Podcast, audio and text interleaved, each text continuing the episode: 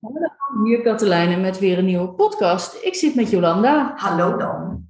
En ehm, de aanleiding van deze podcast is een boek wat ik aan het lezen ben. Eh, dat heet Innerlijke Macht en dat gaat over PMA. progress, nou, ik ga niet eens vertellen waar het, waar het over staat. Het is een hele interessante theorie die ik in een andere podcast een keertje verder ga uitdiepen. Um, en daar ga ik nu gewoon helemaal niks over vertellen. Dus het is een hele suffe intro. Maar waarom was dat het boek de aanleiding voor deze podcast? Op een gegeven moment werd er de vraag gesteld: ehm, hoe oud denk jij te worden? Nou, hoe oud denk ik te worden? Uh, eh, 80. En stel dat je uh, ouder wordt dan dat, want het schijnt dat de, de, de geleerden het erover eens zijn dat we inmiddels uh, fysiek best wel 100 of 125 zouden kunnen worden. En dat er redenen zijn dat dat niet gebeurt, dat, daar gaan we het nu niet over hebben. Maar toen dacht ik, oh, maar stel nou dat ik 100 zou worden. En ik merkte dat er zo ontzettend veel uh, veranderde in mijn, in mijn lijf, in mijn gedachten. Ik word 100 en ineens ging er een lichtje aan. En ineens voelde ik me niet zo'n, ja, nou ja, oud wijf. ineens had ik zoiets van, Oh, maar als ik nog 50 jaar heb in plaats van 30 jaar, dan, en er veranderde heel erg veel. Nou, ik zal straks wel wat meer vertellen over heel erg veel, uh, wat dat dan precies inhield. Maar ik vond het wel een leuk concept, dat hoe jij denkt over tijd, over leeftijd, over dood, over wanneer je doodgaat, dat dat klaarblijkelijk zo ontzettend veel invloed heeft op hoe ik in elk geval me nu gedraag. Ja, en, het is wel leuk, hè? want als je, als je nagaat bij de neurologische niveaus, dan zou je kunnen zeggen dat leeftijd bijna op identiteitsniveau dan zit. Hè? Dus dat, je, dat vind ik zelf dus ook altijd ingewikkeld met bijvoorbeeld leeftijd. Dan hoor ik uh, welke leeftijd ik heb. Hè, ik word 60, ja. twee maanden. Daar heb ik een bepaald beeld bij. Misschien heb je dat zelf ook, hè? je hebt een interne voorstelling daarbij. Ja. En de vraag is, ga je daarna gedragen? Of, of heb je een heel anderlijk, ander innerlijk beeld bij, bij jezelf en kan je dat niet matchen met die leeftijd? Het is interessant wat dat doet. Ja, waarom ik zo zit te grijnzen is omdat ik net 50 ben geworden. Oké, dit is dus een podcast voor boomers, zouden mijn kinderen zeggen. Sorry, maar voor de dertigers en veertigers en twintigers onder ons is het denk ik, uh, ik hoor van sommige mensen ook wel, oeh, ik word 30 of oeh, ik word 40. Dus ik denk dat het niet zoveel uitmaakt welk getal ik noem. Maar voor mij was 50 voor mij helemaal geen ding. Maar doordat allerlei mensen gingen zeggen, oh, 50. En zo had ik ineens wel het soort gevoel dat ik een half bejaarde was. En dan kan iedereen om je heen wel zeggen dat dat niet zo is. Maar als er van binnen, en daar komt natuurlijk ook de NLP om de hoek, wat, wat knutsel jij van binnen bij zo'n gedachte, welk beeld, welk gevoel. En vervolgens welk gedrag hoort daarbij. En als je het dan over gedrag hebt. Um, nou, ik heb mijn heup gebroken. Ik hoop dat er een moment komt dat de podcast opneem zonder dat dat nog een topic is om te vermelden. Maar nu uh, heeft het nog wel invloed op me.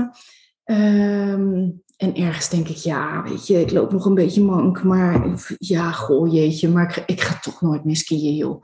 Daar ben ik, dat, en dan gaan er allerlei gedachten ook iets over mijn gevoel voor evenwicht en kennelijk dat ik snel iets breek. En, maar ook over leeftijd van ja, nou ja, maar uiteindelijk sta ik toch niet om mijn zeventigste vitaal meer op de piste te wezen. Dus laat maar. En toen ik ineens dacht, ik heb nog 15 jaar te gaan, dacht ik, hmm, ik uh, heb eigenlijk wel zin om te gaan onderzoeken wanneer ik weer kan skiën. Dat is interessant, hè? Dus hoe, hoe um, jouw innerlijke voorstelling bij die leeftijd en hoe je lang nog te gaan hebt voor je gevoel, mm hoe dat jouw gedrag in het hier en nu beïnvloedt. Ja, dus- waanzinnig. En met name over je beslissingen, hè? dus dat, dat hoor ik jou ook ja. wel zeggen. En, en beslissingen, dat, dat is dus heel interessant, dat je die dus anders neemt als je, uh, zeg maar, afhankelijk van hoe jij kijkt naar wat je nog te gaan hebt. Ja. ja. Sommige mensen die vinden het natuurlijk... Uh, er zijn ook mensen die, die hebben een grote angst bijvoorbeeld hè, om oud te worden. Mm En die gaan dan in het hier en nu alles doen om zo jong mogelijk te blijven. Ja. En inclusief de buitenkant veranderen bijvoorbeeld. Maar niet te hoeven voelen of zien dat je uh, op leeftijd komt. Dat heeft natuurlijk alles te maken met dat je denkt dat leeftijd iets zegt over jou. En dat bepaalt dus voor een heel groot deel je gedrag in het hier en nu. Ja. Ja, het is wel grappig, want ik zit zelfs te denken, uh, zelfs hier zitten hoe het hoort en wat werkt wel. Dat uh, hoe het hoort is ja, 50, daar hoort uh, Sarah bij en dat is een mijlpaal. En voor je het weet hoe je dat dan weer geïnternaliseerd hebt. Ja. Nou, ik vertelde jou ook hè, over, over de dood. Dat klinkt dan helemaal heftig, maar laten we zeggen hoe oud je dan wordt. Mijn, mijn vader is overleden toen hij 36 jaar was. En ik weet nog dat ik, dat ik ook heel erg bezig was met, uh, toen ik 35 was. Goh, volgend jaar kan het wel afgelopen zijn. En ik hoor dat best wel van veel mensen die hun ouders overleven qua leeftijd. Dus dat je ouder wordt dan je ouders. Dat je dan op een of andere manier je bewust bent wanneer je dat aan het inhouden bent. En dat beïnvloedt natuurlijk ook je gedrag. Dat is ook je perspectief van, goh, hoe ver heb ik nog te gaan? Um, ik had het heel erg gericht op 36 op een of andere manier. En toen was ik daar voorbij. En toen dacht ik, oh wacht even, maar ik heb nog heel veel. Er is nog heel veel tijd over. En uh, dat is een beetje wat jij ook zegt. Van, nou, je hebt dan blijkbaar in je hoofd 80. En nu dat je denkt, hé, hey, ik verander maar een beeld daarover. Ja. Dan verandert Hoeveel er mee verandert. Ja, ja. ja. Maar ook, uh, dus en dit, dit hebben we nu over uh, leeftijd. En ik merk dat dat bijvoorbeeld ook weer invloed heeft op hoe ik over geld denk. Ja. Dat is dan ook wel weer interessant, want dan denk ik... Dus als ik aan leeftijd denk, dan dacht ik, dacht ik aan 80. Dan zag ik ook een soort donker iets. Ik heb uh, natuurlijk, zoals veel mensen denk ik, vooral voorbeelden. Die zijn helaas in de meerderheid van mensen die moeilijk lopen, niet meer sporten, uh, een kleinere wereld hebben, niet zo onthouden... Uh, uh, nou, van alles niet vinden. Ondertussen zit er een eekhoorntje in de boom. Dat is dan toch ook wel weer heel schattig. Zie ik. Whatever. Sorry. Um, maar er zijn ook mensen, en dat zijn eigenlijk hartstikke mooie voorbeelden. De, ik heb een keer gelezen over een vrouw die op de zeventigste is begonnen met marathons lopen. Ja. En, uh, en ergens is dat altijd in mijn hoofd wel een soort concept. Maar als dat weinig om je heen is en je hebt dan ook nog zo'n, en dat is dat NLP-stuk, dat beeld van binnen van uh, het, is, het is donker en het is uh, al wat kleiner en het, is, het voelt niet lekker. Dus de, de submodaliteit, zoals we dat noemen. Hoe geef jij een idee van binnen weer? Um, nou, dat ik dan over geld ineens ook hele andere ideeën krijg. Want het gaat nu niet meer over opbouwen en uitgeven, maar voor later, want dan kan ik niks meer. En weer op het moment dat ik dacht, maar ik heb nog 50 jaar, werd letterlijk werd het lichter om me heen, werd het lichter in mijn hoofd. En merkte ik ook dat ik qua werk weer uh, dacht en geld weer dacht van, uh, hmm, wat gaan we eens doen? En wat is er, uh, wat is de next step? Dat ik minder haast kreeg van, ik, ik, ja, ik, ik, ik moet nu, nu, nu, nu, nu nog dat boek schrijven, die kennis delen. Nee, ik kan over vijf jaar ook prima dat boek schrijven, die kennis delen. Dus ik kan ook nu meer genieten van wat er om me heen is. En nou, een rollercoaster van, van veranderingen eigenlijk. Ja, het is, het, toch blijft dit heel boeiend. Want ik denk dat heel veel luisteraars dit ook wel, hè, dus terwijl wij het erover hebben, zitten ze misschien ook wel af te vragen van hoe, welk beeld heb ik daarbij? Hè? Dus hoe oud denk ik dat ik ga worden? Hoeveel jaar denk ik dat ik nog ga hebben? En gewoon heel eerlijk zijn. Hè? Want je hebt daar een gedachte over. En, en die gedachte kan je ook wel weer afscheiden. Nou, dat is onzin. Maar je hebt ergens een beeld en een gedachte daarbij. En voor sommige mensen is het heel aantrekkelijk uh, om te zeggen, nou, ik heb nog maar tien jaar en dat is heel fijn. Maar er zijn natuurlijk heel veel mensen die denken, oh, ik heb misschien nog maar puntje, puntje, puntje. En dat bepaalt voor een groot deel je keuzes. Maar, en, uh, maar, en, en, wat helpt, hoe helpt het je? Of zit het je in de weg? Dat is ook zo'n echt typische NLP-vraag. Ja. ja, er nu over denkt, is dat functioneel voor jou of niet? Ja. En terwijl Jolanda dit zegt, denk ik, oh ja, maar ik moet wel een nuance maken. Want het is niet van die happy de peppy psychologie als jij nu elke dag tegen jezelf gaat zeggen: Ik word 100, dat dan alles verandert. Waarom het voor mij zo'n impact had, was omdat uh, we noemen dat, uh, hoop dat ik het goed zeg, want Jo is veel beter in de techniek, dat noemen we drivers in de NLP. Dus wat, uh, ik moet even terug naar de basis. Elke gedachte, elke ervaring, elke slaan wij van binnen op in codetaal codetaal van een combinatie van beeld, gevoel, geluid en uh, gedachten. Beeld, ja, beeld, geluid, gevoel, gedachten. Die codetaal, die moet je zien als, dat is al een bijna een af Lego bouwwerk. En een af Lego bouwwerk bestaat weer uit kleinere blokjes. En die kleinere blokjes zijn bijvoorbeeld bij beeld Dingen als zie je het ver weg of zie je het dichtbij, zie je het licht, zie je het donker, zie je het kleur, zie je het zwart-wit. Nou, geen mens beslist, ik ga mijn gedachten in kleur en dichtbij zien. Ik kan me niet voorstellen dat jij op een ochtend, zonder dat je kennis had van NLP, wakker werd en dacht, die sensatie bevalt me niet, ik verander gewoon, ik ga voortaan in kleur en uh, dichtbij denken. Zo werkt het niet. Maar andersom werkt het wel dat jouw brein bedacht heeft, alles wat ik kloten vind, dat verwerk ik van binnen uh, donker en ver weg. Of dat is voor één persoon zo. De ander zegt, uh, alles wat ik kloten vind, gaat juist in neonkleuren en dichtbij. Dat is hoe jouw brein codeert. Hoe die sensaties, gedachten, uh, ervaringen opslaat. Alleen maar in je, je mind, in je denken zeggen: Oh, ik ga nu denken, ik word 100 en nou verandert het hele leven. Zo werkt het niet. Waarom het bij mij zo'n impact had, was omdat er een hele belangrijke ja, sleutel even omgedraaid werd. Namelijk de sleutel dat ik uh, ineens iets heel veel in licht ervoer. En dat het was alsof mijn horizon ineens heel veel breder werd. Hij werd niet verder, hij werd breder en het werd lichter. Waardoor ineens, en dat is dan weer leuk, de theorie van de rotonde. De rotonde zegt, als jij uh, steeds weer dezelfde blokjes op dezelfde manier van binnen dus bouwt, zit je als het ware op een rotonde, doe je steeds weer hetzelfde gedrag, steeds weer dezelfde emoties. En als je één blokje verandert, is het alsof je je brein hebt gedwongen om een keer hardhandig van die rotonde af te gaan. En vervolgens de eerste volgende keer dat je weer op die rotonde zit, moet je denken aan, oh, maar hier ging het eraf. En is het automatisme doorbroken iets wat je ooit gedacht hebt, kan je nooit meer niet denken. Hè?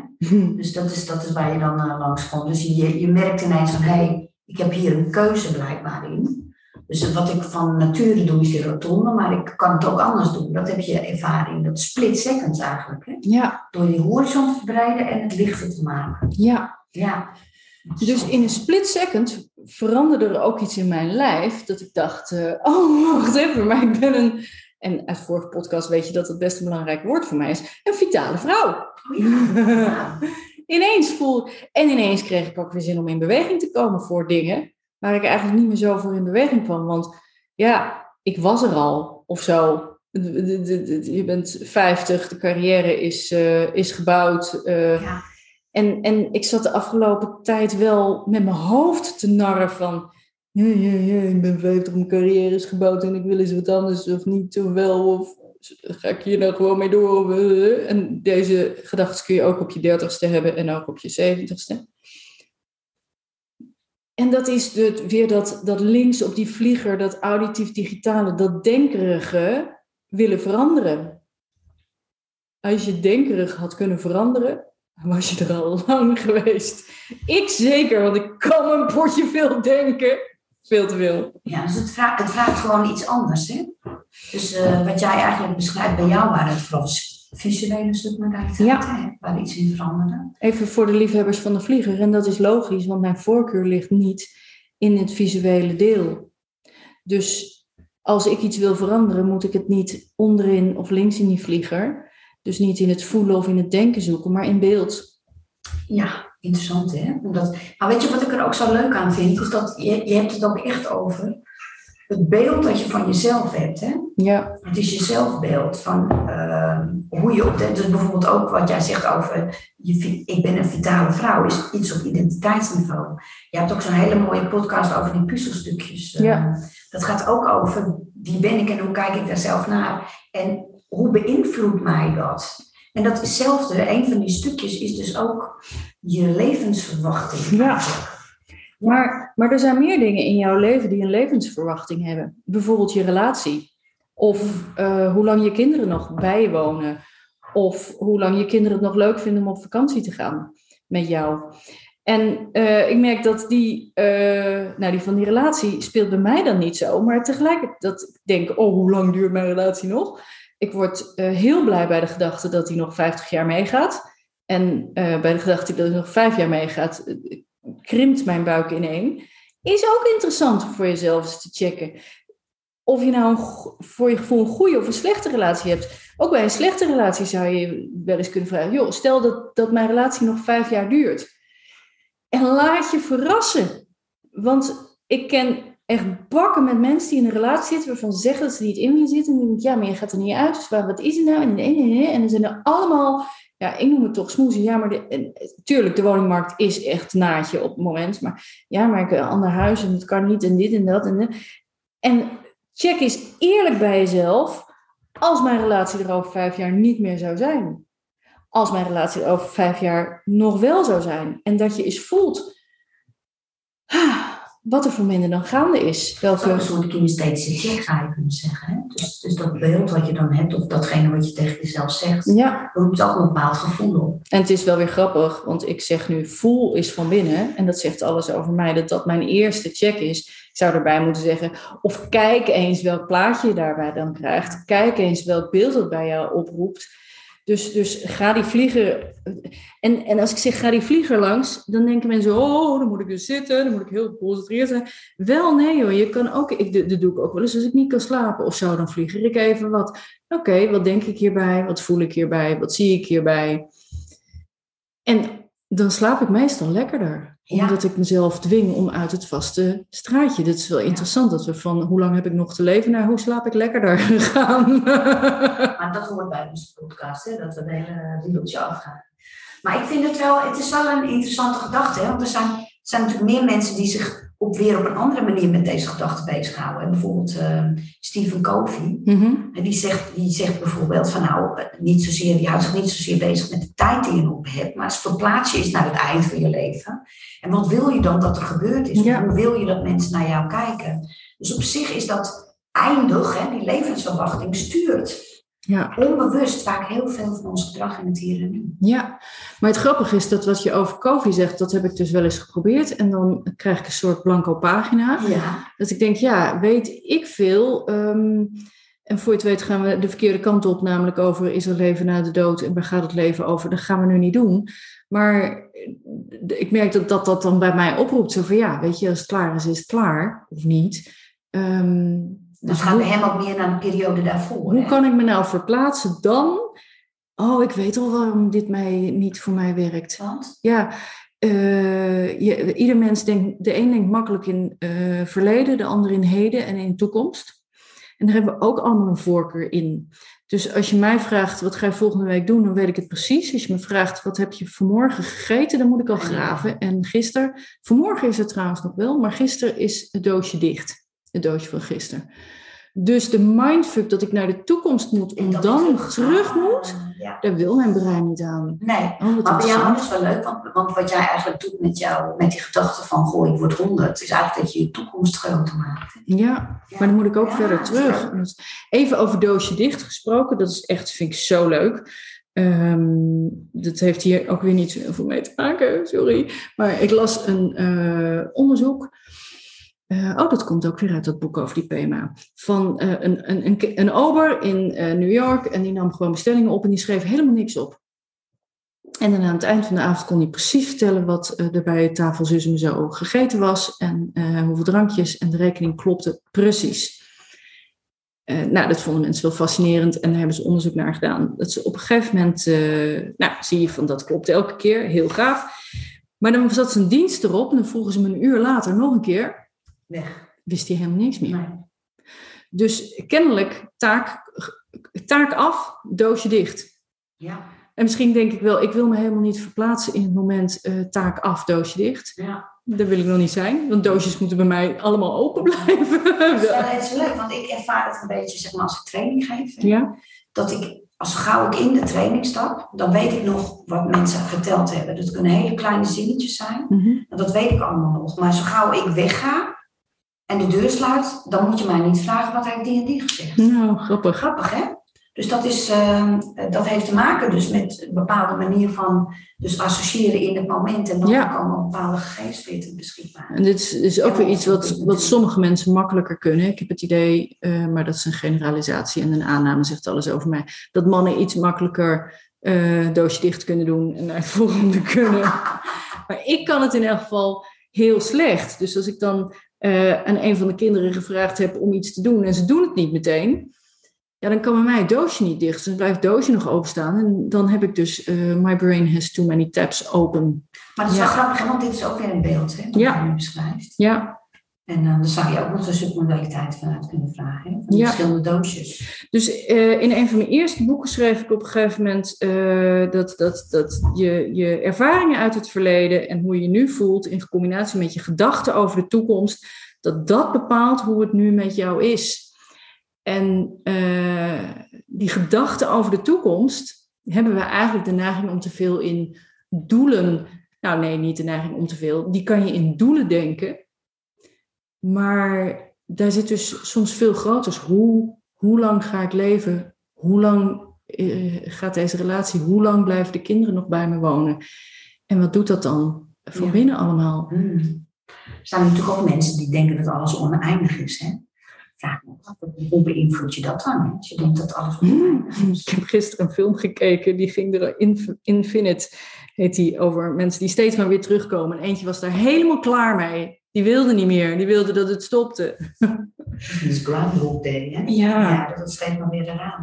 Maar het, is, het blijft dus interessant dat dat soort dingen, je, dus je gedrag in het hier en nu, uh, ongelooflijk beïnvloedt. Dus het zijn eigenlijk ook de verwachtingen die je hebt over je toekomst. Ja, en als je die nou dus niet links op de vlieger, maar op andere punten. Dus de eerste volgende keer dat je op de wc zit, nee, waarom ik dat zo zeg is, hoe, hoe actiever en bewuster jij gaat zitten denken, ik ga daar nu die mindshift in maken, ik ga daar nu over nadenken, hoe meer je met je bewuste brein aan de slag bent en hoe minder je kan laten verrassen.